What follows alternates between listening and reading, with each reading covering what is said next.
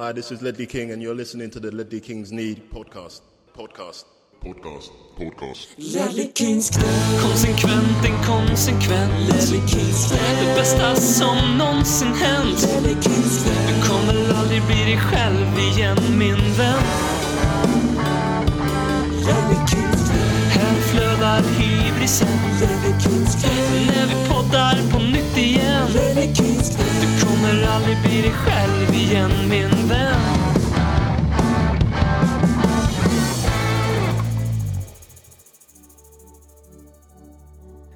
En normal svensk man har haft cirka 420 ejakulationer, vilket motsvarar ungefär 20 miljarder spermier. Zlatan Ibrahimovic har slutat spela landslagsfotboll och gjort comeback fem år senare. Donald Trump har svurits in som USAs president, förlorat ett val och ställts inför riksrätt.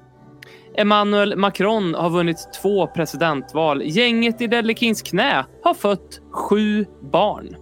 Ryssland, Martin Timell och Paolo Roberto har gått från arrangörer av världsmästerskap i fotboll, livscoacher och tv-snickare till cancellerade föredettingar. Inte minst här i Tottenham så har vi gått till final i Champions League, sparkat Maurizio Pochettino, anställt José Mourinho, sparkat José Mourinho, anställt Ryan Mason, anställt Nuno Espirito Santo, sparkat Nuno Espirito Santo och anställt Antonio Conte. Och det finns spermier i pungar som vunnit livets lopp, tagit sitt första andetag, lärt sig lägga pussel, lärt sig tjata på sina föräldrar för att få titta på Mamma Mu och Kråkan på Netflix. Det är mycket som hänt sedan Arsenal sist spelade fotboll i Champions League och mycket kommer fortsätta hända. Du lyssnar på ännu ett avsnitt av den ständigt konfliktsökande radioteatern Ledlekins knä. Eh, jag vill börja med att tacka alla här som har bidragit i vår insamling till den eh, engelska domarkåren. Vi har en, en match kvar här nu på säsongen borta mot Norwich och vi har saken i egna händer. Men eftersom pengarna hittills som vi har tjänat in verkligen har kommit till så bra nytta och användning så vill jag uppmana här alla att bidra i slutspurten. Tack till alla som, är, som har varit med och skramlat hittills. Robin heter jag och med mig för att dra ballen över gruset i den här eh, alliansfria podden så har jag den hockeyälskande mannen som nu bor i Sveriges ta mig 17 vackraste stad. Vår kattälskande irländare som delar initialer med Brian May från Queen. Vad har du gjort i ditt liv på de här senaste fem åren, BM? Jag har eh, tagit examen från Karlstad universitet, flyttat från Karlstad till Eskilstuna, jobbat som lärare i fem år, flyttat tillbaks till Karlstad eh, för att vara lärare i Karlstad. Eh, och nu är jag här inne efter mitt sjätte aktiva år som gymnasielärare och det är, det är bland annat ett axplock på vad som har hänt sedan Arsenal sist spelade Champions League. Och, med tanke på att jag bröt förbannelsen åt Färjestads vägnar så att de äntligen vann ett SM-guld igen när den förlorade sonen kom hem så känns det inte mer än rätt att jag även fortsätter den profetian genom att igen bränna ner Arsenal Swedens huvudkontor i Karlstad. Literal, inte literally nu utan figuratively så att säga, allegedly. Visst är det så att Arsenal Sweden har flyttat sitt eh, huvudkontor från Karlstad dock? Och det är ju väldigt Ännu en till sak som har hänt. Ja, eh, för det var ju det gick ju varmt om man säger så när vi startade den här podden just att vi var i Karlstad då allihopa och att just Arsland Sweden då hade sitt huvudkontor eh, huvudkontor, vet vad man kan kalla det, men liksom porten till bajsriket då, eh, i Karlstad. Men jag tror inte de har det längre. Eh, vi har också med oss ifrån hjärtat av Värmland, kanske i, i landskapets 17 största ort. Eh, den hockeyhatande mannen som delar skägg med Thomas Wassberg på vintern och med Ed Sheeran på sommaren. Det är ju ingen annan än Marcus Håkman och då undrar vi såklart samma sak. Vad har du gjort de här senaste fem åren? Oj. Eh, köpt hus. Sålt hus. Köpte till hus. För, blev pappa två gånger om. Bytt jobb. Inte bytt jobb men bytt lite inriktning där jag jobbar. Två gånger. På de här fem åren. Så, och samla på mig i det här röda skägget mer och mer av, de, mer och mer av det gråa inslaget också. Mm. Det som låter minst i det här sammanhanget är ju att en normal svensk man har haft cirka 420 ejakulationer. Känns det inte som att man hinner med mer på fem år? Eller? Hur Alltså- många dagar är det på ett år? 365. Ja, då känns det Alltså- lågt då alltså. Det Alltså, känns ju som det är en sån där undersökning som folk ljuger via i sådana fall. Eller? Ja, det. alla åldersgrupper är med, så även de här 93-åringarna som liksom inte kan längre är med och drar ner snittet för de unga virila pojkarna i åldern 12 till 45. Ja, Mm. det är ju liksom runt 80 ejakulationer per år. Eh, vilket i runda slängar är typ en 6-7 stycken i månaden. Vilket Mm. i runda slängar är två i veckan. Mm. Så att, Ja, nu börjar det kännas högt här. Ja, jag förstår det plötsligt. Men det låter lite. Ja, det, låter jätte, det lät jättelite som när du gjorde matten. 420 Då. på... Men när man liksom snurrar det så, så då förstår man att det är några som drar ner snittet. Där är en till Förlåt? sak som har hänt Robin. Att Ja. det känns som två gånger, två gånger i veckan. Det känns nästan jobbigt i min nuvarande ålder. Men när, man, när, vi, när Arsenal sist spelade Champions League då kändes det som att ett misslyckat liv. Liksom. Mm. Ja, Ja, verkligen. det. Må det fortsätta. Ja, Håkman, det gäller ju uppenbarligen inte dig. Du har ju fått massor med barn så du, du är ju aktiv. Jag tänkte på när Robin sa där vad, vad det hänt allmänt så i eh, det världspolitiska läget och uh, våra lilla inrikespolitiska läge här i podden. Fan har vi samlat på oss sju barn på de här fem åren. Det var det Ja. jävligaste. Ja, det var en jävla babyboom i alla fall. Det, det stämmer nog. Bra jobbat i alla fall. Och fler lär det bli. Manliga ejakulationer. Mm, mm. På tal om, jag trodde aldrig jag skulle säga det, men på tal om manliga ejakulationer så har... Ni Du har ju sagt det här? förut i andra sammanhang, det vet vi. Jo, jo, men på tal om det så har, jag vet inte om den här bryggan håller, men håll, Kör. jag håller i mig hårt. Så har ju Jake Daniels eh, kommit ut som första. ja, den är... Det var inte dit jag trodde du skulle gå med den kan jag säga. Alltså, Nej, jag nej, förstod direkt att det var dit du skulle gå. Jag trodde att du skulle köra liksom. Så slog vi Arsenal ut North London Derby med 3-0 vilket ledde till... Men nej, nej, du tog den andra vägen.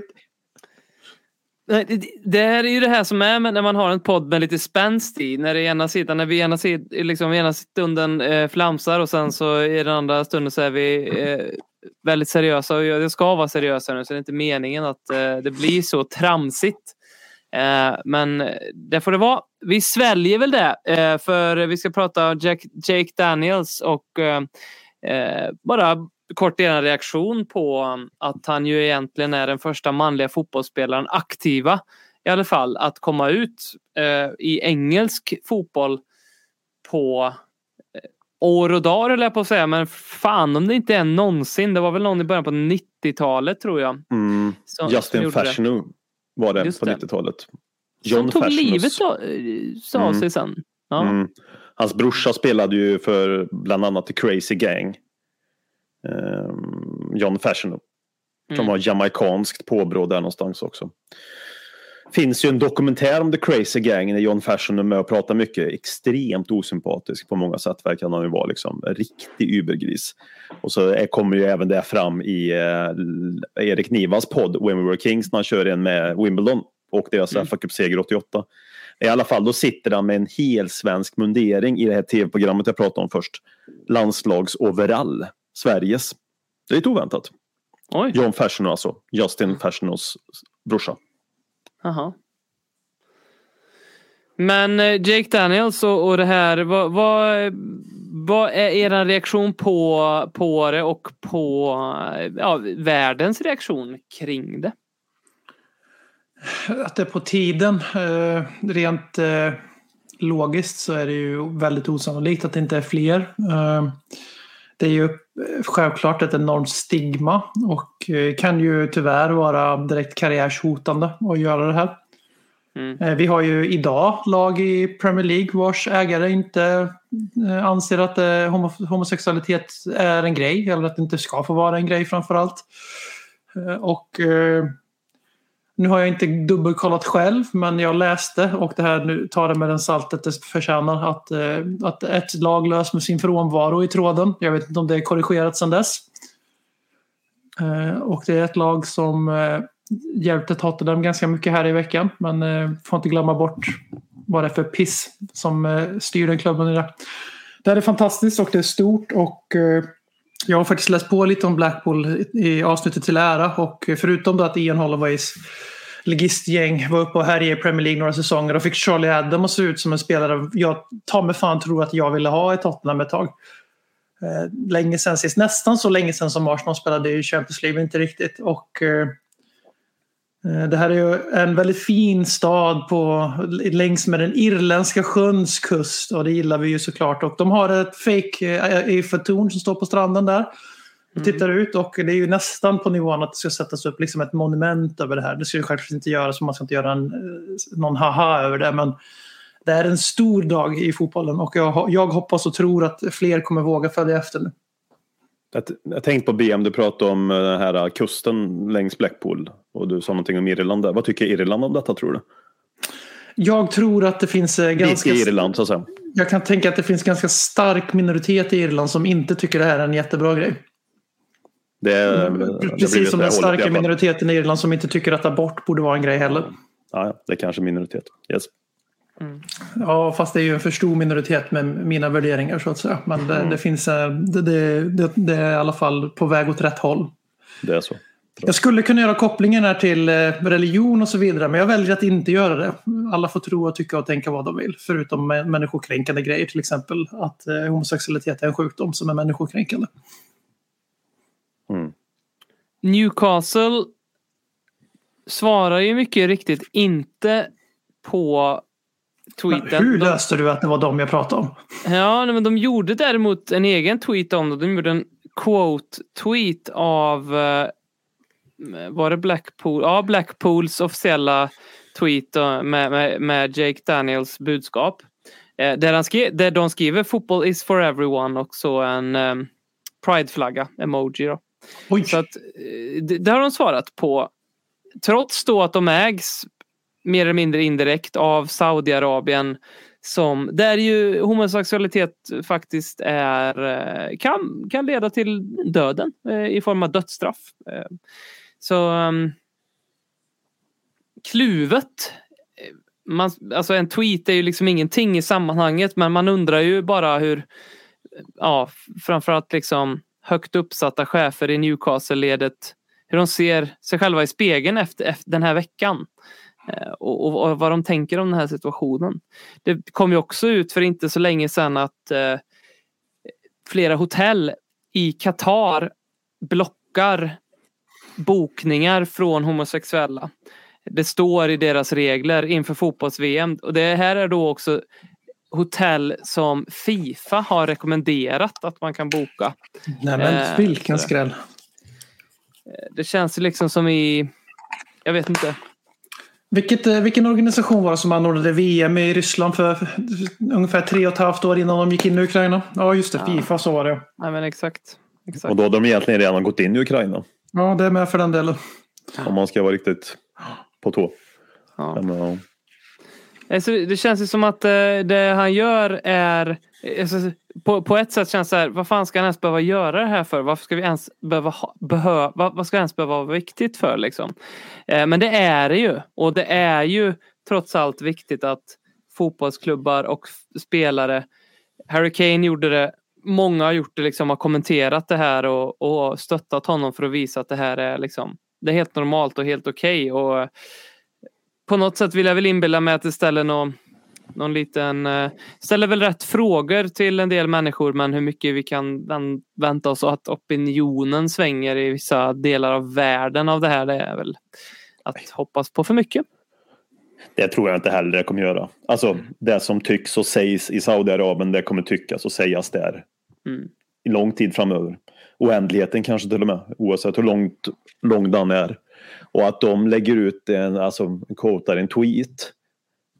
Alltså betyder ingenting när de gör det. För de som exempel. Det har nästan varit bättre, förstår mig rätt nu, om de inte gjort någonting. För då hycklar man i alla fall inte. Du Som jag så? ser det. Mm. Mm. Jag säger inte att det är bra men det här, deras betyder ju ingenting. Ingenting. I min värld. Sen kan jag tycka när, när jag läste det här och tar det här verkligen på rätt sätt nu. Ja, alltså jag brydde mig inte. Nej. Nej men alltså lite Jag brydde, så som jag det brydde ska mig vara. verkligen inte. Jag har, inte. jag har sett hans namn, jag har inte läst en artikel om den. Och då menar jag inte att jag inte brydde mig utifrån att jag inte tycker det är bra. Men jag lägger ingen värde dit liksom. Ja, det är väl bra. Förstår vad jag menar? Mm. Ja men det är precis så som man vill att det ska behöva vara egentligen. Ja. Men vi, vi är ju inte där så att det behövs ju fortsatt. Det är det som är... Det är Jag verkar vara där i alla fall. Ja du är det. Du, men du är ju på alla sätt och vis en fantastisk människa. Och allas skämt förebild. Nej men det var så jag kände. Men det kanske hade varit annorlunda också när jag rannsakade mig själv. Alltså rent så du vet lustmässigt att läsa om det. Om det hade varit eh, någon Premier League-stjärna. För det här var ju ett namn inte jag kände till. Ja. Nej, men, En eh, spelare i Blackpool. Jaha, vem är det? Hade det varit ett namn. eh, Ja, jag vet inte vem, jag behöver inte säga någon namn. Men någon som vi alla känner till. Någon i vårt lag till exempel. Någon större spelare. Någon liksom, Mm. Som sticker ut. Då tror jag nog att det hade läst mer också. Mer utav den saken. Tror jag för min del. Ja, men eh, det sorgliga är väl någonstans, för jag vet jag har sett många som har sagt att eh, det måste, det måste finnas hur, hur många homosexuella spelare som helst ute. Det sorgliga är att jag vet inte, det kanske inte gör det för att det är en miljö som fram tills nu liksom, där det inte har funkat att vara homosexuell. Så att ska man upp på den nivån så det, det går inte. Eh, Det, det är en sån, alltså, så antagligen har man gallrats ut om du förstår vad jag menar. Hit, Så kan det vara. är- Det är ju det är mycket det som är så viktigt med att det är just Jake Daniels. För att han är ju 17 år i lindan av sin professionella karriär. Jag tror han gjorde sin, premiär, sin debut i Championship den här säsongen. Så då är man ju relativt lovande som fotbollsspelare ändå om man är tonåring. Och, alltså ung tonåring och spelar i Championship. Eller tillhör en Championship-klubb och får speltid. Eh, Och det var just det jag var inne på, för vi har haft större profiler, större namn som har kommit ut efter karriären. Eh, Och det säger ju det mesta om det här råa och vad det kan ha för konsekvenser och sådär. Men just nu får vi ju faktiskt en spelare som är mitt i sin karriär eh, och som är på en hög nivå. Inget ont om idrottare som kommit ut tidigare på manssidan som kanske inte var på den nivån så att det gjorde någon större skillnad i omklädningsrum. Vad vet jag, det kanske gör, det, det är ju liksom inte våran sak här tre kanske att sitta och säga vad det gör för skillnad för någon som känner att de inte kan komma ut på grund av sina lagkamrater. Så det är inte, kanske inte rätt personer att prata om det. Men jag vill hoppas och tro i alla fall att det här är början på något som förändrar även den biten. Och sen är ju Håkman har ju rätt egentligen såklart att det ska ju inte vara en nyhet. Att det är en nyhet är ju egentligen ett underbetyg till kulturen inom sport. Och- Men det visste vi ju alla också om man ska vara lite bitter. Mm. Sen, Och- sen tror jag nog att vi pratar om hans dessa eventuella liksom, karriärsteg. Jag tror en sån spelare, visst vissa klubbar kommer ju aldrig kunna köpa honom och då är det väl Newcastle jag tänker på i synnerhet naturligtvis. Men det kan, för han, alltså när man, jag minns ju var det um, Anton Åsén som typ division 2-spelare kom ut med först i Sverige. Typ va? Och nu Ja. var ju han också det efternamn han hade. Men det blev ju en jävla raket för honom. Vet inte hur det blev fotbollsmässigt men det kan ju säkert bli samma sak för Daniels här. Hoppas jag för hans skull liksom, att han kan få en positiv vind utav detta. Eh, som någon form av frontfigur och, och fanbärare liksom, i England för att fler ska komma ut och Mm. kan gynna honom. Då. Det, det förtjänar ju naturligtvis. Ehm, för rent statistiskt så borde det finnas någon eller några i varje lag. Liksom. Mm. Och här är det väl så att eh, damfotbollen ligger väldigt långt före herrfotbollen för där är det ju mycket mer eh, accepterat. Det är inte en grej, det är inte ett, det är inte ett problem att vara Men det- homosexuell. Nej. Men är det inte så, det är lite allmänna känslan är generellt så mellan tjej och kille i det vanliga livet också? Alltså back in the days. Jo, Alltså att den skillnaden alltid funnits där att alltid varit mer okej för tjejer att gilla varandra än att killar ska gilla varandra. Liksom. Sen med tidens gång och åren tickar och vi moderniseras så har ju i alla fall en stor del av världen eh, gått i samma lina som den moderniseringen och blev, blev okej med båda delarna liksom, på ett annat sätt. Men eh, det har alltid funnits en skillnad och det tänker jag speglar väl också idrottsvärlden som det speglar samhället också någonstans.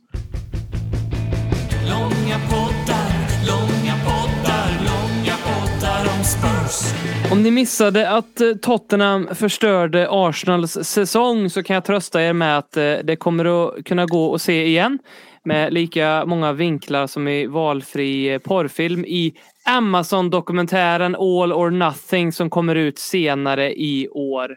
Eh, där kommer vi bland annat kunna se allt om hur de i halvtid på Tottenham Hotspur Stadium febrilt försökte låna ut spelare och fejka covid-test för att slippa andra halvlek. Eh, vi pratade ju lite om att vi skulle släppa det här avsnittet innan eller efter det att Arsenal spelar mot Newcastle. Eh, och jag är väl glad för att vi sitter här tisdag kväll ett dygn knappt efter det att Newcastle slog Arsenal 2-0.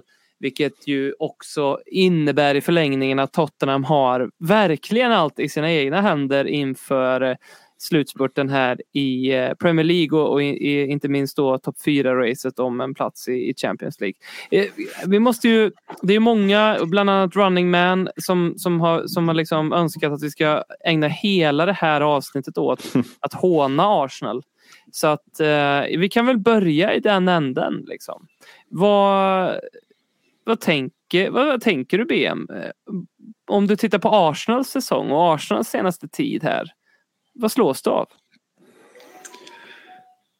Ja, vad, vad slås man av? Eh, Arsenal är ju kanske det mest överhypade laget som spelar i Premier League och det är ändå i konkurrens med Liverpool. Eh, jag har eh, på senare tid av Premier League-säsongen faktiskt eh, hittat ett sätt att se på den här onämnda streamingtjänsten som kickade ut sina kunder som att de var en använd kondom för att koppla tillbaka till intro till dagens avsnitt. Eh, och sett en hel del via där och jag har ju sällan hört så mycket supporterrapportering som det har varit kring Arsenal. Där Arsenal hela tiden framställts som någonting liksom fantastiskt projekt och det är så ungt och det är så lovande och Arteta är så jävla bra och Arsenal är så jävla bra. Och eh, det är så sjukt vad de lyckas göra med sin 2,5 miljard sommar eller vad tusan det nu var liksom.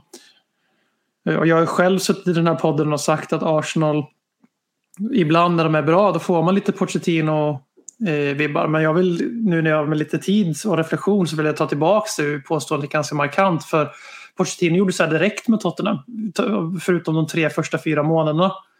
När han sen bestämde sig för bra nu har Kabulla, Adebayor och gänget de har fått chansen. Och Lennon och Michael Dawson. Nu är det bye bye. Nu, nu, är det mitt, nu ska vi ta mitt lag för det, här kommer, det funkar inte.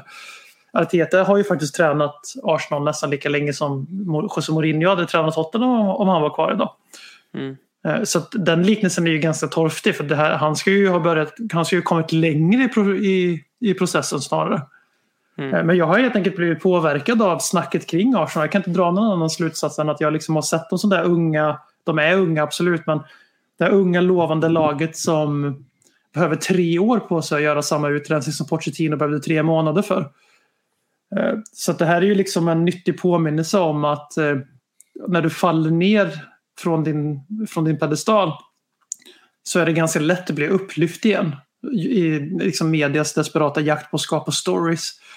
Eh, för jämför man hur vi framställs och har framställts, förutom några enstaka röster, så har det ju varit liksom att vi underpresterar. Att vi, vi Tottenham gör fortfarande någonting lite halvdant fram till Conte, alltså pratar ja, kanske framförallt senaste månaden under Conte.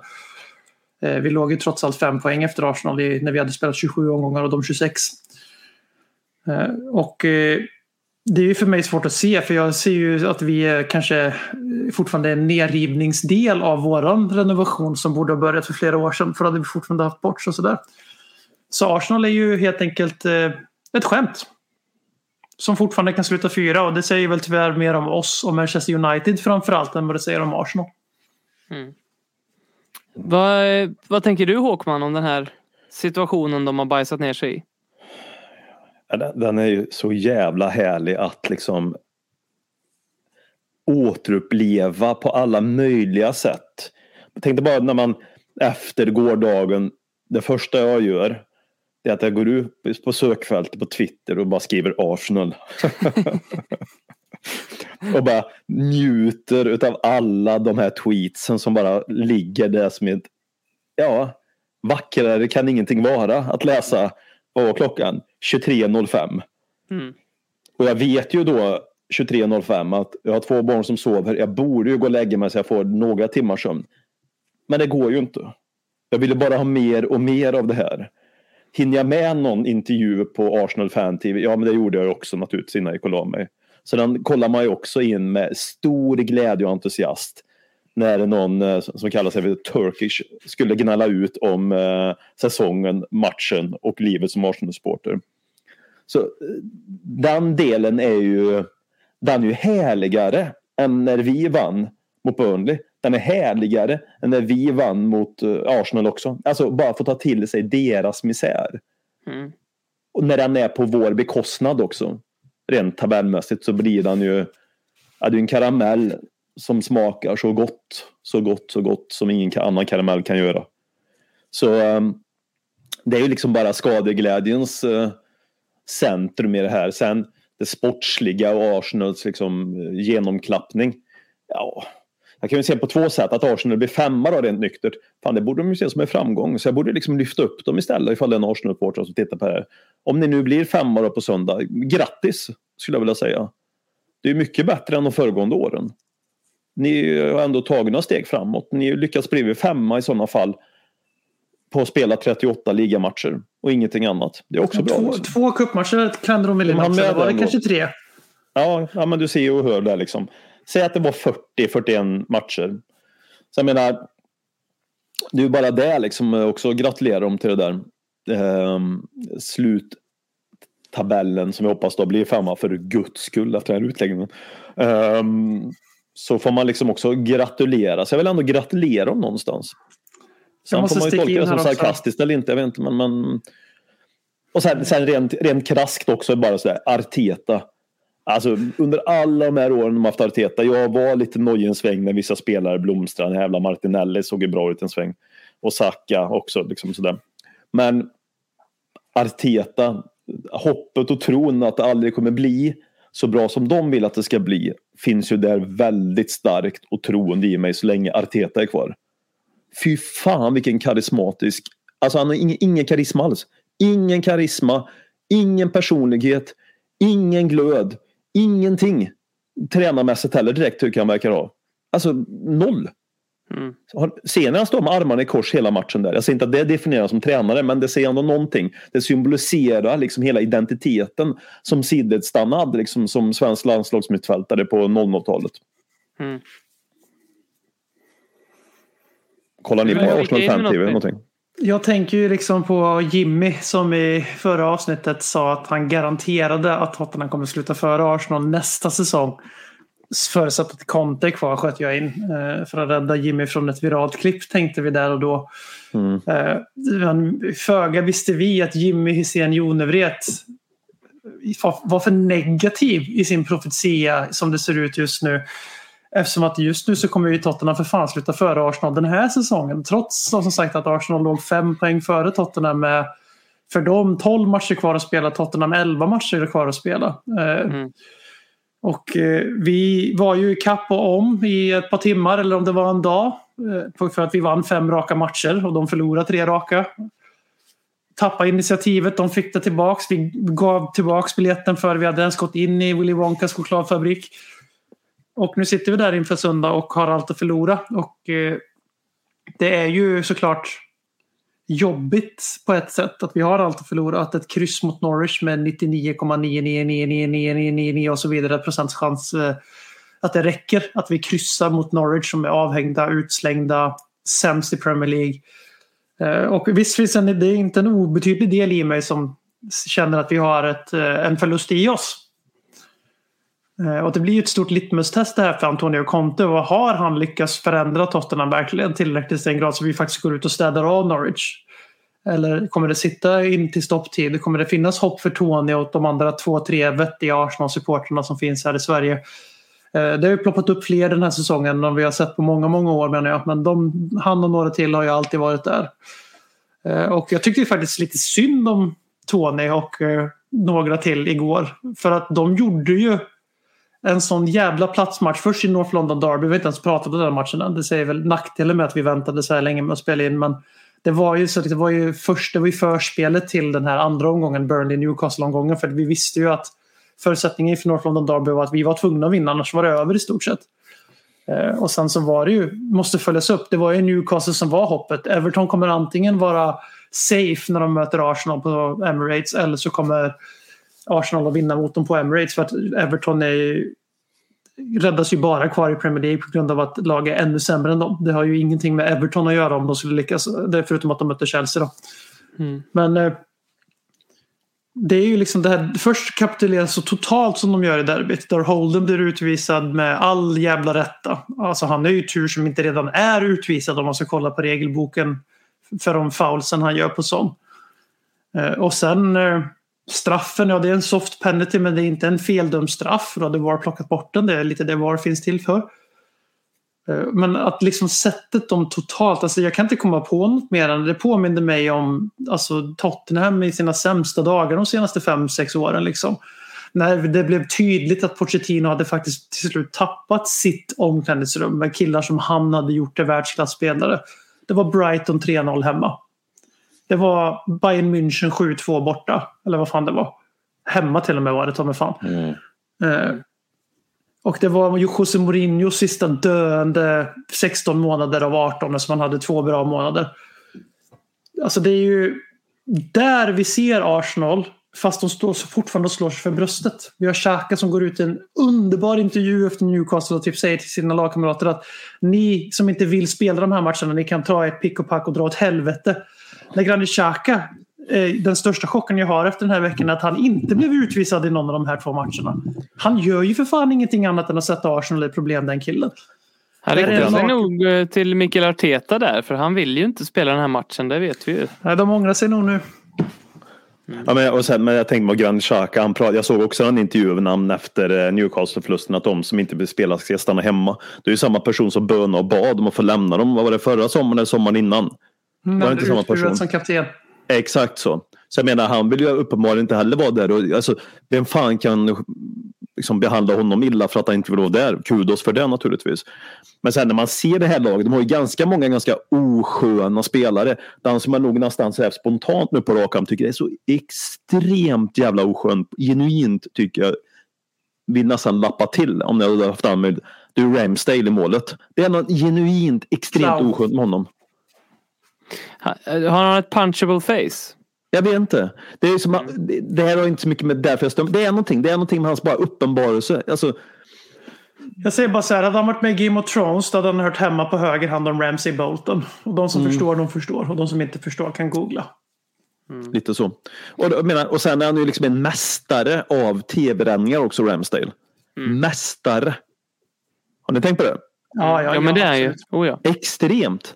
Extremt. Alltså, du vet, och bara att han håller på med tv-ringen säger ju en del om hans person. Att han vill stå i centrum. Han vill liksom måla upp sig till någonting mycket bättre än vad han egentligen är. Och så har han får liksom lyfts upp som någon form av Englands nya supermålvakt. Och England och målvakter brukar ju historiskt sett inte vara så bra. Pickford är ju helt okej, men ingen supermålvakt. Sen Ben White är någonting också jävligt oskönt med honom. Stör mig också på honom väldigt mycket. Det, det är någonting Hade där. jag introducerat, introducerat podden idag så hade jag förberett en liten intro-tagline till dig Håkman där jag hade sagt att mannen som har lika många tatueringar som Ben White men ett bättre positionsspel i backlinjen. Och en bättre persona. Ja, det finns jag känner- känner mig lite attackerad nu när du säger att du inte gillar Ben White som jag annars med hans starka, starka Paradise Hotel-vibbar och eh, Exes on the Beach eller vad fan de kollar på i Storbritannien, Love Island eller vad det heter. Eh, han, han passar ju in där som handen i handsken. Och eh, jag kände att det är ju Marcus Håkman för mig. Eh, men du, Jo. du köper inte den. Kanske inte riktigt. Kanske inte riktigt. Eh, Du frågade förut här Håkman om vi kollar på Arsenal Fan TV. Ja. Och jag vet inte hur det har blivit för er. För ett gäng år sedan så var ju det guld och ett knark och en... Alltså, det var bättre att konsumera det än att konsumera Arsenals förluster för mig. Men det är någonting som klingar lite... Jag vet inte, jag, som när jag såg på 100 höjdare med Filip och Fredrik, att jag till slut började inse så här, ja, men jag skrattar ju åt sinnessvaga människor här. Det är ju det här det går ut på. Det är lite så här, nästan också anledningen till att jag liksom inte riktigt klarar av att se på eh, en annan del av Köping, för det känns som att man gör humor på folk som har ett handikapp. Eh, på, och, sådär. och Arsenal Fan TV, alltså eh, de som är med, allvarligt talat, människorna som är med där, eh, alltså har de valt dem för att de är de de är? För det är inte några, det är inte några skarpa, fan vad intressant liksom en Arsenal Fan TV, vilka förutsättningar de har att skapa något riktigt värdefullt med folk som är duktiga på analys och komma med sitt eget perspektiv och eh, folk som har liksom bott, som bor i London har gått på varannan match. Men det, det är som att de tar, men så här, är det någon av er som är duktig på att stå och ska, gapa och skrika?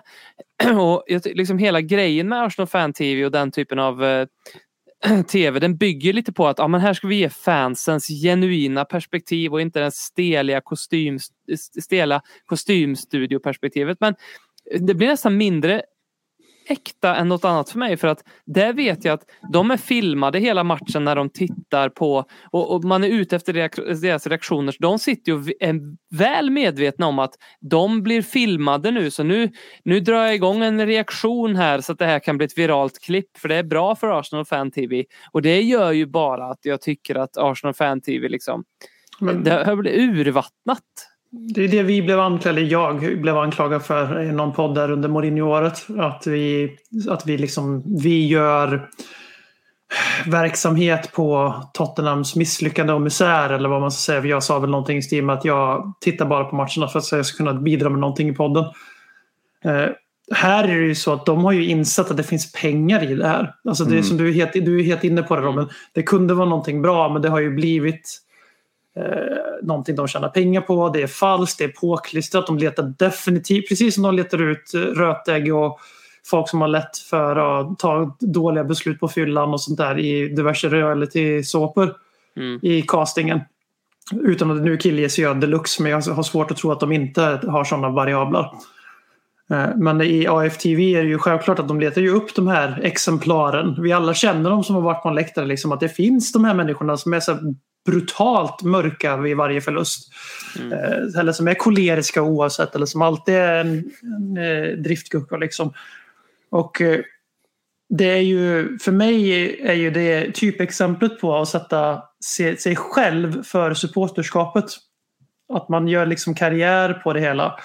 Och ja, alltså jag tror Vi- vi jag, balanserar jag på väl farligt, på flera år.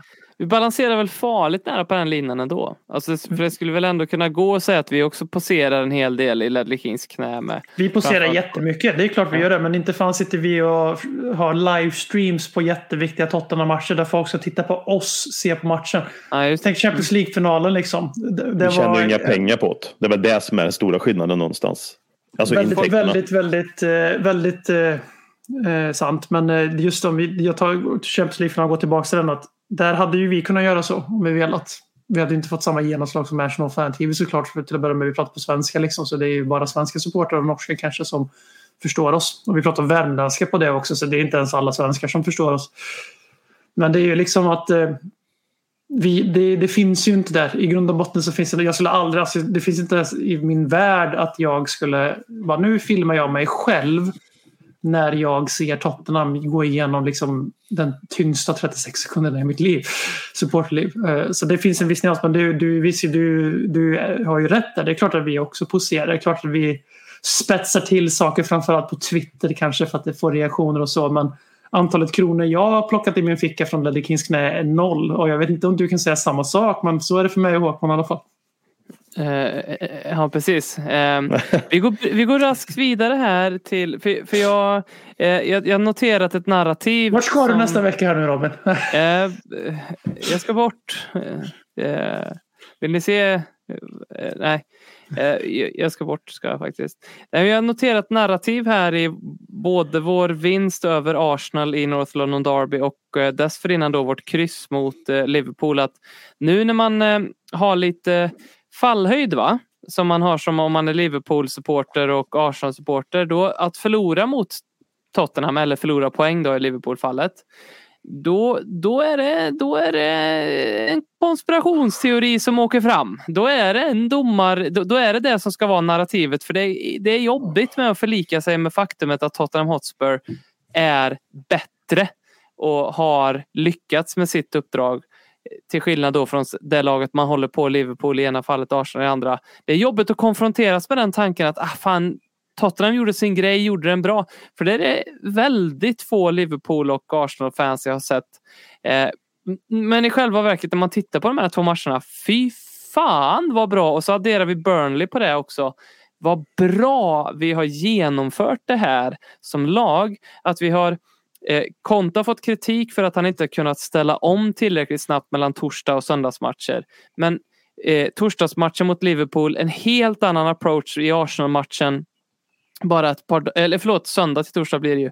Eh, eh, torsdagsmatchen mot Arsenal, en helt annan approach i den. Lyckas med den också, vinner med 3-0. Sen mot Burnley, det behövs en ännu en ny approach. Vi får en straff, absolut. Men vi, vi lyckas också eh, när det behövs att eh, vara solida och inte släppa till någonting. Så fan vad imponerad jag blir eh, över, eh, över oss där. Och det gör väl att man har en trygghet inför inför sista matchen här. Eh, vill ni ha en lista på de tio största klubbarna i norra London? Ja. Mm. På plats ett, Tottenham Hotspur. Eh, på plats två, Leighton Orient. På plats tre, Wingate Finchley FC med det trevliga lilla mottot Amasitas Perludis som eh, låter eh, konstigt men som är fint nog översätts vänskap genom sport. På plats nummer fyra, Tottenham U23. På plats nummer fem, Enfield Town. På plats nummer sex, Waltham Abbey. Som ju inte är ett, eh, en tv-serie utan faktiskt ett fotbollslag som en gång i tiden grundades av ett gäng oönskade spörspelare. På sjunde plats Tottenham U18. På åttonde plats Potters Bar Town. På nionde plats Tottenham U16 och på tionde plats Hendon Claremont FC. De spelar i Southern Football League. Så det är typ nästan division 9 ungefär. Men de har ändå en arena med kapacitet på 3000 pers. Så ett ät skit Arsenal. Eh, vad, vad, har vi mer från North London Derby? Vi, vi kan väl eh, bara Håkman, vad, vad plockade du med dig från den matchen? Mm. Ja men eh, siffrorna, typ det som jag plockar med mig allra skönt att få vinna med 3-0. Liksom, att det var så tydlig seger och att det var 3-0 redan i var det 47 minuten, ja, två minuter in i andra halvlek som Son gjorde 3-0 målet. Mm. Att man fick liksom ha en transportsträcka därifrån och med en man mindre i Arsenal. Man satt ju bara och... Alltså jag vill ju ha en asfaltering där en sväng. Alltså riktig jävla ditkörning, 6-7 kanske. Vi var ju inte mm. nära. Men att få cruisa så på ett, eh, ett derby mot Arsenal, det, ja, det känns jävligt skönt. Så den känslan tar jag med mig. Mm. Verkligen. Eh, och hur, hur säkert kändes det mot Burnley då, tycker du? Nej, mycket värre. Även om de i själva verket skapar så mycket. Men det var ju andra halvlek och början där var det ju det här.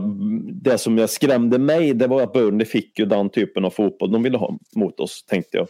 Med mycket inläggsspel, mycket fasta situationer och ja, det duellspelet. Så det, det känns ju inte. Och sen hade de ju för fan, de hade ju ett stolpskott där, en Barnes ja, från en riktig projektil. Men mm. eh, ja, alltså hade vi inte gjort det där straffmålet där, vi säger att vi inte hade fått straffen som var helt rätt att få. Nej, det känns ju inte som att vi hade ett mål i oss direkt. Den känslan hade jag inte riktigt den matchen. Mm. Vad tycker du om Burnley-insatsen B? Ja, alltså man hann ju inte knappt få någon ångest för North London Derby. Eh, främst för att jag är helt genuint, ända sedan Brighton i alla fall, eller åtminstone den vevan där, eh, inte har lagt särskilt mycket stress över Champions Leagues vara eller icke vara. Eh, så att eh, jag hann liksom aldrig få ångest före matchen. Eh, och sen så kontrollerade vi North London Derby så fruktansvärt totalt förutom första tio kanske. Eh, och så jag hann aldrig få någon ångest. Sen som Håkman sett i det andra halvlek man är nästan obekväm med den känslan. Eh, när man inser att vi inte tänker gå för 5-0 utan vi nöjer oss med 3 och börjar byta ut spelare. Så liksom man bara satt där och försökte lära sig att handskas med hur känns det att vara så dominanta i ett North London Derby så att vi bara spelar av matchen. Eh, och så snabbspolar vi till söndagen. Och då vet jag inte om det var någon så här fördämd ångest eller uppskjuten ångest eller vad, fan det nu är. Men alltså ångesten i den matchen är total i, i, ja, i stort sett hela matchen. För som Håkan är inne på igen att de får matchen precis de vill vi känns inte jättepotenta. Vi ser lite sli, slitna ut. Vi har blivit av med ännu en del av vår högerkant. Vi har tappat dem en efter en nu. Liksom. Först Doherty och sen eh, Romero inför North London Derby och sen även Dejan då inför Burnley. Man börjar känna så här, oj det här är samma högerkant som man skrek, skrek i duschen över liksom, i början av säsongen. Eh, vi får liksom, Son ska ju göra två, absolut. Båda chanserna han har ska han ju göra mål på såklart. Men det är ju fan de enda målchanserna jag kommer ihåg förutom straffen i sig då. Mm. Sen hade väl Kane en ganska farlig nick, men jag kanske blandar ihop det. Men eh, sista kvarten i Burnley-matchen, när, inte för att de får något tryck på oss, för det får de verkligen inte. Alltså det är ju en match vi egentligen kontrollerar och vinner med 1-0 i underkant, men det känns inte så. Det kändes som att vi hade den här kollapsen i oss. Att nu kommer det någon jävla inlägg och sen så knoppar någon eh, två meters man in den och så är det kört så är, så är det North London Derby inte värt någonting helt plötsligt. Eh, men det blir ju helt tvärtom. Vi lyckas rida ut våran match och sen får vi se Arsenal gå ut och bli alltså golvade av Newcastle som alltså jag var ju ganska imponerad över vår asfaltering av dem. Men när jag såg Newcastle var minst lika dominanta och vin, förtjänade att vinna med ännu mer än vad vi vann med skulle jag hävda. Att de borde gjort 3, 4, 5 kassa på Arsenal. Då tänker jag bara att det är nog kanske bara Arsenal som har havererat fullständigt. Eh, så att eh, Burnley-matchen den var, den var jobbig och den här veckan fram till Norwich kommer vara väldigt jobbig eftersom att vi har verkligen, nu har vi helt plötsligt på riktigt för första gången den här säsongen så har vi allt att förlora och vi har allt i egna händer på riktigt. Eh, och eh, jag har fortfarande inte riktigt vant mig vid Tottenham, sen, om vi ska vara ärliga, sen vi började den här podden så var Tottenham redan något år ifrån att vara det här Spursy-laget som bottlar allting som det var innan vi började med Ledley Kings knä. Men eh, det har fortfarande inte skakat av mig helt i alla fall. Så jag, jag är mer orolig för Norwich än jag var för North London Derby. Känn paniken när Arsenal tar, leder tidigt och bekvämt. Kanske 3-0 i halvtid eller något sånt där. Och sen så när klockan börjar ticka och det står 0-0 i våran match mot Norwich. Alltså känn den paniken när man vet att det är ett Norwich-mål.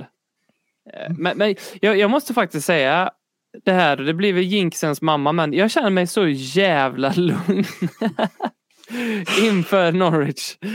Eh, hade det varit för ett par år sedan så hade vi mycket mer gelécykeln. Vi var mycket mer bottlers än vad vi är nu. Jag säger inte att vi inte är bottlers nu för vi, vi, har, vi har haft en helt bedrövlig säsong på vissa vi har förlorat mot Mora och Middlesbrough den här säsongen. Ja men precis. Vi har, haft, liksom, vi har varit jävligt dåliga. Men det är någonting med eh, den senaste tidens bara styrkebesked och att vi alltså boosten man får av att vinna två raka på hemmaplan, kryssa på Anfield. Det ska bygga upp ett lag och det är liksom en Harry Kane och en Antonio Conte som är liksom, de är såna jävla vinnarskallar. Så att jag tror inte att de kommer acceptera um, att vi går ut och eh, för någonting annat än att köra över Norwich. Jag skulle bli jätteförvånad om vi åker dit och spelar på 0-0. Eh, mm. Jag tror verkligen inte det. Jag tror att vi kommer åka dit för att bara döda det snabbt. Eh, och sen spela på resultatet. Eller vad tror du Håkman? Var, vart befinner du dig på den här skalan? Är du nervös? Inför Nej, inte så jävla nervös faktiskt. Jag hade varit mer nervös om vi hade mött något annat lag på bortaplan här och nu. Sen kan det visa sig vara betydligt fel. Men fan, nu möter vi ändå Norwich. De ligger sist på samma poäng som Watford. Har väl släppt in mest mål i Premier League, 70-ish någonstans va? Minus nu, 56 i målskillnad. Ja men känn på den. Team Krull. Liksom. Team Krull! Jo, jo, det var den matchen med Newcastle där och det, det är ju PTSD för, för, oss alla och det kommer ju alltid vara med honom och så ska det väl vara någonstans. Men alltså skulle vi på något jävla vänster snubbla bort det här, på tal om skadeglädje, då är det nog bara för oss att logga ut för annars kommer vi vara som centrum för det, det som jag pratar om. Alltså, det, är bara, det är bara att stå för det. Det är bara grattis Arsenal. Ni Nej, kan komma in på våran live och, och jubla. Inget grattis. Ja, det, jag gör som, um, jag skulle resonera som Diego Simone gjorde där inför derbyt mot Real. Att det är inga jävla liksom stå och applådera åt vinnarna eller gratulera. Nej, det orkar jag fan inte med. Men jag känner mer som dig Robin faktiskt. Ja, nej, jag Kanske inte så självsäker men, men alltså vad fan. Med all respekt Norbert, vi ska för fan inte torska mot dem på bortaplan i det här läget med de förutsättningarna. Med Son ändå, Kane har börjat gjort lite mål, Son har varit i form. Bara de två räcker ju för det här alltså. Eller? Ja, ja, jag menade mer att vi liksom får tugga i oss när Arsenal-sekten kommer efter oss på Twitter och om vi gör någon säsongslive eller någonting. Då får vi, det är bara gilla läget att vi kommer ha besökarrekord. Då kan vi ju köra en liten hommage till Arsenal Fan TV och sitta och skrika och kasta saker och allt de håller på med bara för att, för att Arsenal-supportrarna ska få en, ett, en fackla i mörkret också. För trots att de är också människor i grunden, det var det jag menar. Liksom. Är de verkligen det? De är människor som har gjort väldigt, väldigt ifrågasättningsbara val i sitt liv. Ja, det skulle jag minst sagt kunna säga. Ja, men det är ju den mest episka bottlingen någonsin om vi bottlade mot Norwich. Men man, man tittar på vilk, alltså, deras form sen. Alltså de har liksom inte vunnit på hur länge som helst med undantag av, att de har slagit Burnley. Sen har de bara förlorat allt. De släpper De in har- mycket mål i varje släpp- match också. De har släppt in liksom 3-0 Leicester, gången innan det fyra mål mot West Ham, två mot Aston Villa, tre mot Newcastle, tre mot Manchester United. Alltså, de läcker som ett såll och de har eh, skador på, på viktiga spelare och det är liksom det hela. Så det är ju en Alltså, lasagnebottlingen kommer ju inte i närheten om, Nej. om, om vi bottlar det här. Ehm, Den är ju Och- värre än Newcastle 5-1 eftersom att vi då ja. tappade andra platsen till tredje. Den är Ja. betydligt Ja, värre ja, vi det- det är nu. Alltså vår- det, det är vår största no- bottling någonsin. Det, Och, och, li, och lika väl känns det väl som Arsenals också någonstans om vi nu håller undan till dem. Sett till försprång de har haft mot oss under hela våren. Ja, Eh, och absolut. liksom svansföringen och känslan som har säkert varit i båda lägren. Om vi nu lyckas komma ikapp dem. För mig känns det lite grann som att vi kommer före dem. Det blir sjätte året vi kommer före dem? Eller femte året vi kommer före dem? Någonstans där i rad. Sånt, ja.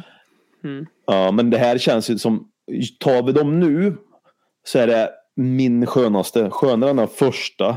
Det är den skönaste, det blir liksom revanschen lite grann för mig. Och kanske för er också. Sen 2004 där, på tal om lasagne liksom. Mm. 2004, 2005 eller 2004.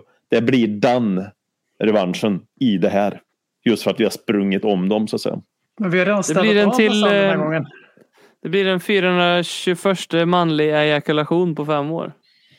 Det blir, uh, fyra, vad sa du, 400, 21. 421, 422 och 423 kanske blir det.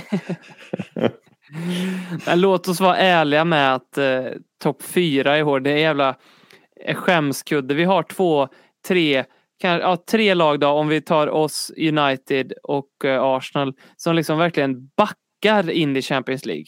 Alltså vi, Ja, vi, vi liksom, alltså, det, vi det är inte helt glömma det. sjukt Du är vad dåligt alltså. Ja. eh, racet till, till topp fyra Ja. är. Va? Ja men alltså och sen måste man ju någonstans. Visst är det dåligt. Men de måste beta av vad vi var någonstans. Vi bytte ändå tränare i eh, november. Och från och med det vet jag inte riktigt vart vi ligger i tri- ligan. Jag gissar på att vi ligger trea. Jag bara gissar på att vi ligger Yes, trea vi i ligger form. trea, yes. Ja. Mm. Så jag menar. Vi får ju ändå någonstans bedömas utifrån det. Sen hade vi några riktiga liksom, hemska perioder där i februari i synnerhet. Eh, men de som egentligen borde skämmas absolut mest. Det är ju United. Ja, ja, gud. De blev tvåa Alltså- förra året. Värva för miljarder och nu blir de Exakt. sjua. Sexa Exakt. de väl. Ja men det är ju så, det är ju så extremt liksom. Det är, ja, jag vet inte, jag hittar ju inte de rätta orden för att beskriva det. Liksom. Det är så katastrofalt dåligt. Om vi backar in så vet jag inte vad United har gjort. Kraschlandat och gått upp och kraschlandat igen. Och alla möjliga. Ja, men de, har, de har tagit en privatjet, flugit rakt upp i luften och stängt av motorn. Ja, ja Men på, på tal om United, de har ju gjort den största fiaskosäsongen på väldigt länge. Eh, men det är lugnt nu för de får ju in Ten Hag och han ska värva ditten och datten och trippen och tratten.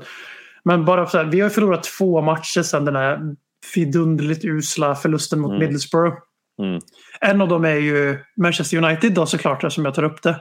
Och den andra är Brighton. Så jag, just det här att vi backar in i Champions League, det håller jag ju faktiskt inte med om om man kollar. För det här är från första veckan i mars jag pratar, så vi har avslutat säsongen jävligt starkt. Men sett till hur alltså, perspektivet har skiftat och makten har skiftat och prestationer har to- toppat och dalat. Så eftersom ett lag har hela tiden varit i en formtopp medan det andra laget har gått lite knackigt under hela våren. Eh, fram till United slog oss och sen bara självdog. Alltså de fick ju de fick ju inte bara Nuno 3-0 där som räddade Ole Gunnar ett par månader till eller veckor till. Sen slog de oss igen när Ronaldo hade sitt hattrick. Och eh, för, liksom, då fick de lite hopp och studs igen och sen har de bara stendött. Så vi har ju liksom verkligen skjutit United i sank den här säsongen genom att ge dem sex poäng mot oss vid rätt tillfällen. Och sen ändå pissa på dem i tabellen liksom. Men eh, jag, jag håller ändå med Robin i grund, även om vi har avslutat säsongen väldigt starkt förutsatt att vi tar det i mål nu då. Så är det, det är svårt att inte känna att det börjar bli ett fakta nu i Premier League. Att de som blir fyra är oftast det laget från Big Six som hittar det mesta av sig själva i mars och april och maj. För Liverpool gjorde ju samma sak i fjol. De höll ju på att bränna Champions League. Ja. Det glöms ju gärna bort i det här narrativet om att de är ett av världens bästa lag eftersom de behövde en nick från Alisson för att ens komma till Champions League nyss. Mm. Eh, Så de är ju mer Pochettino och Spurs som gick till Champions League-final på grund av eh, att vi bromsade in på en fjärde plats året innan. En straffräddning från Hugo Lloris som gör att vi tar platsen för Arsenal. Mm.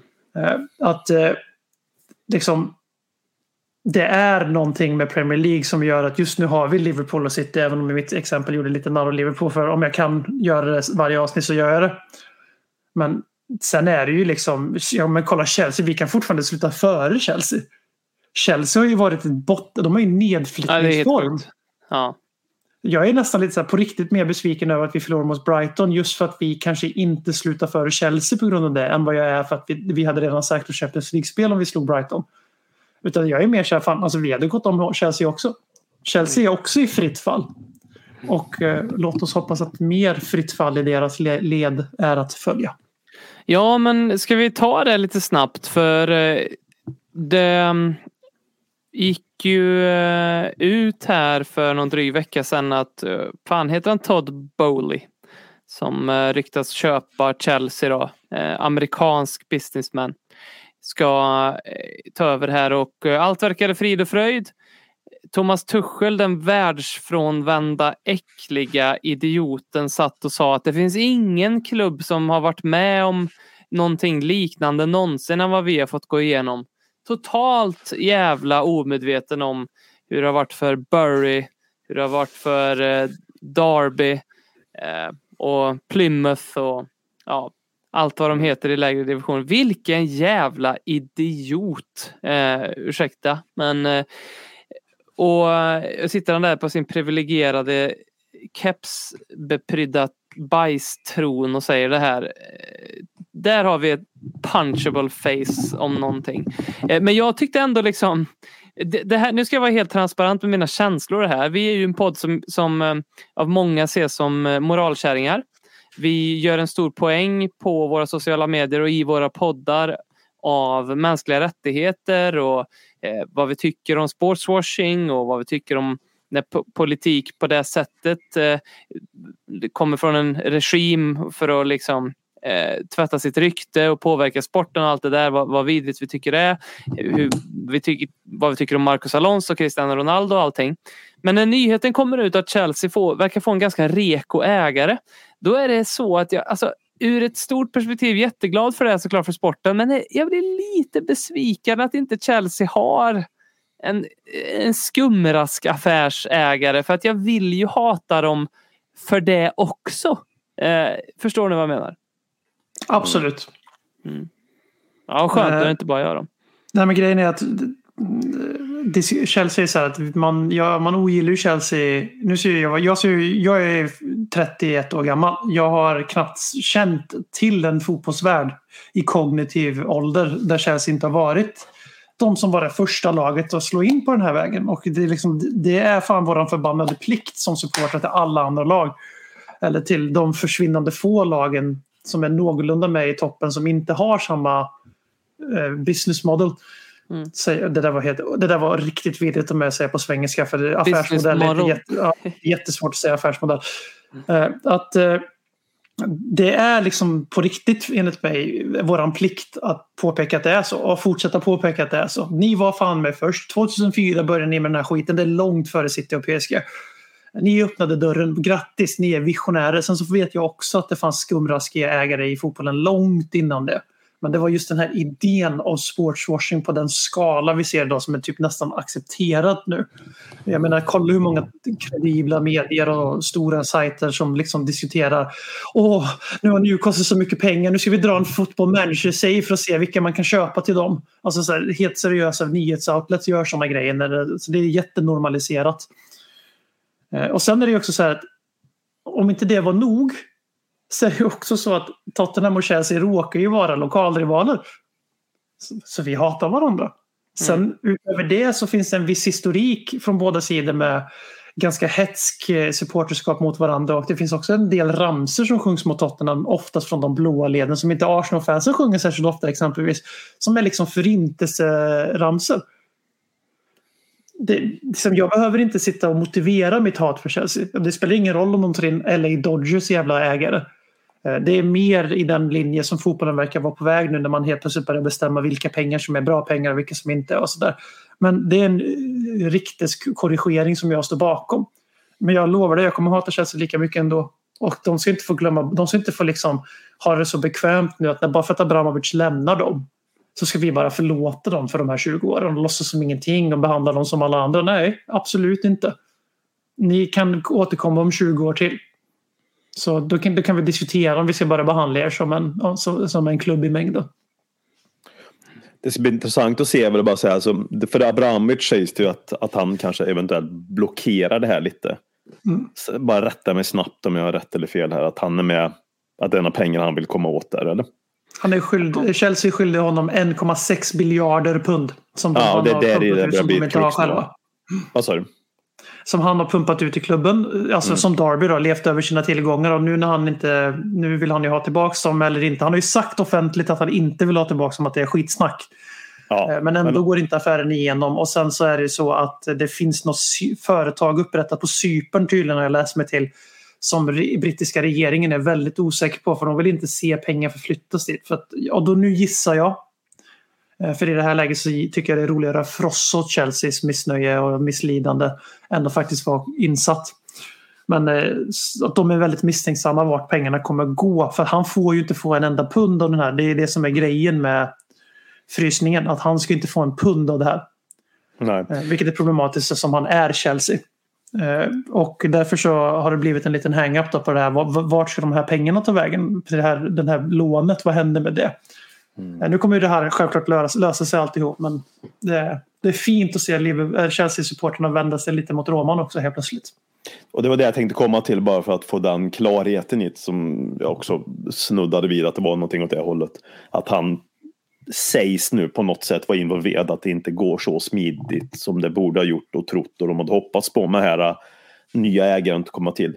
Fan, kommer det sjungas hans ramsor igen nu som det gjorde där Burnley borta eller var det Leeds borta då även när de sjöng Roman Abramovic-ramsan när han hade fått gått och lämnat och eh, kriget i Ukraina precis eller två veckor in eller en vecka in hade börjat. Kommer de fortsätta sjunga och hylla honom för de 20 åren? Det var ju deras motivering då, att allt gott han hade gjort för dem under de 20 åren han hade varit, eller 18 åren. Kommer det fortfarande gälla om det nu visar sig att han kanske inte är så jävla pigg på att gå miste om lite pengar? Eller inte? Det vore intressant, eller har det förändrats på något sätt då? Mm. Sen, sen kan jag känna det med, Arsenal, med Chelsea rättare sagt att fan det, det är ju någonting eh, genuint i mig som bara liksom vuxit ännu mer genuint eh, illa mot Arsenal. Liksom, eller hat rent sagt mot Arsenal.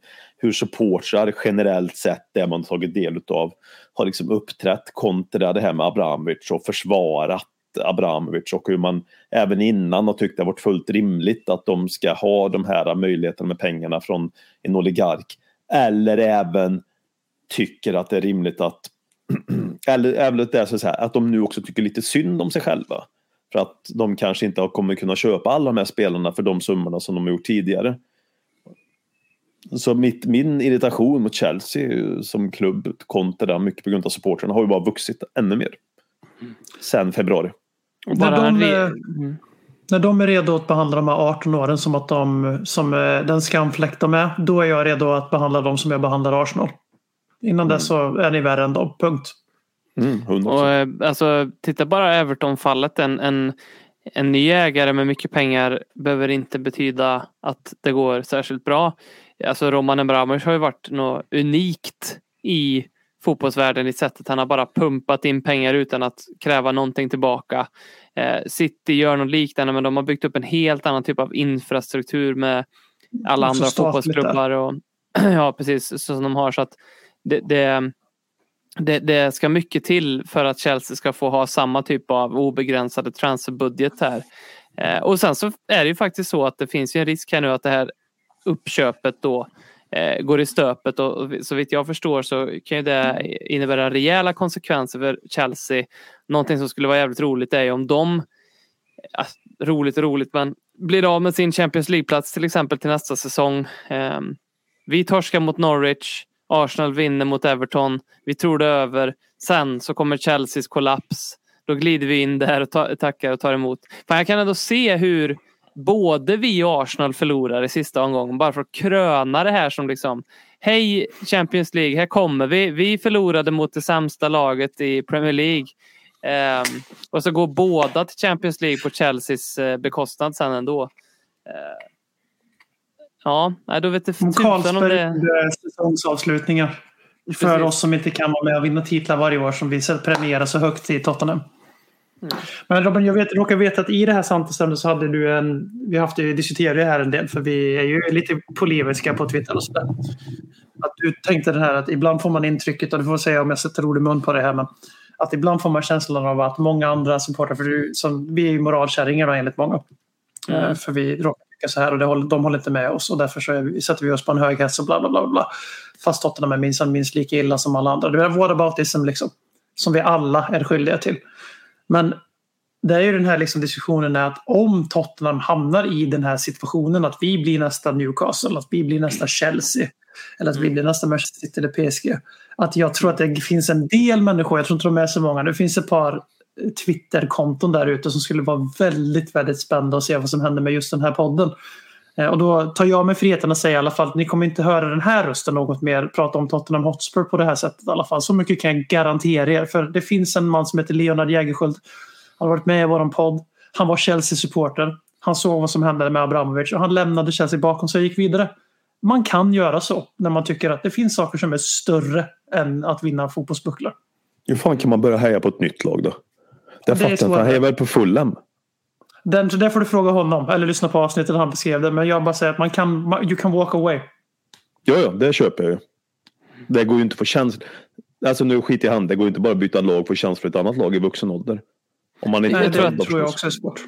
I Leonards, Leonards fall så tror jag liksom inte att han har blivit full Fulham-supporter på det här sättet. Alltså mer följer dem, tycker det är kul. Alltså jag, tr- jag tror inte att han, jag uppfattade det inte som att han är så Nej. fanatisk med Nej, det. nej, utan nej, nej. Det är laget han följer liksom. Men eh, det tror jag nog ändå att man kan eh, hitta nya känslor för ett lag. Ungefär som jag gjorde med Färjestad faktiskt förra, förra veckan. Då kände jag, fan jag gillar verkligen Färjestad BK. eh, jag eh, undrar om jag ska köpa en Färjestad-tröja. Så Ja. det, det, det På tal om nog- senaste 20 minuternas diskussion.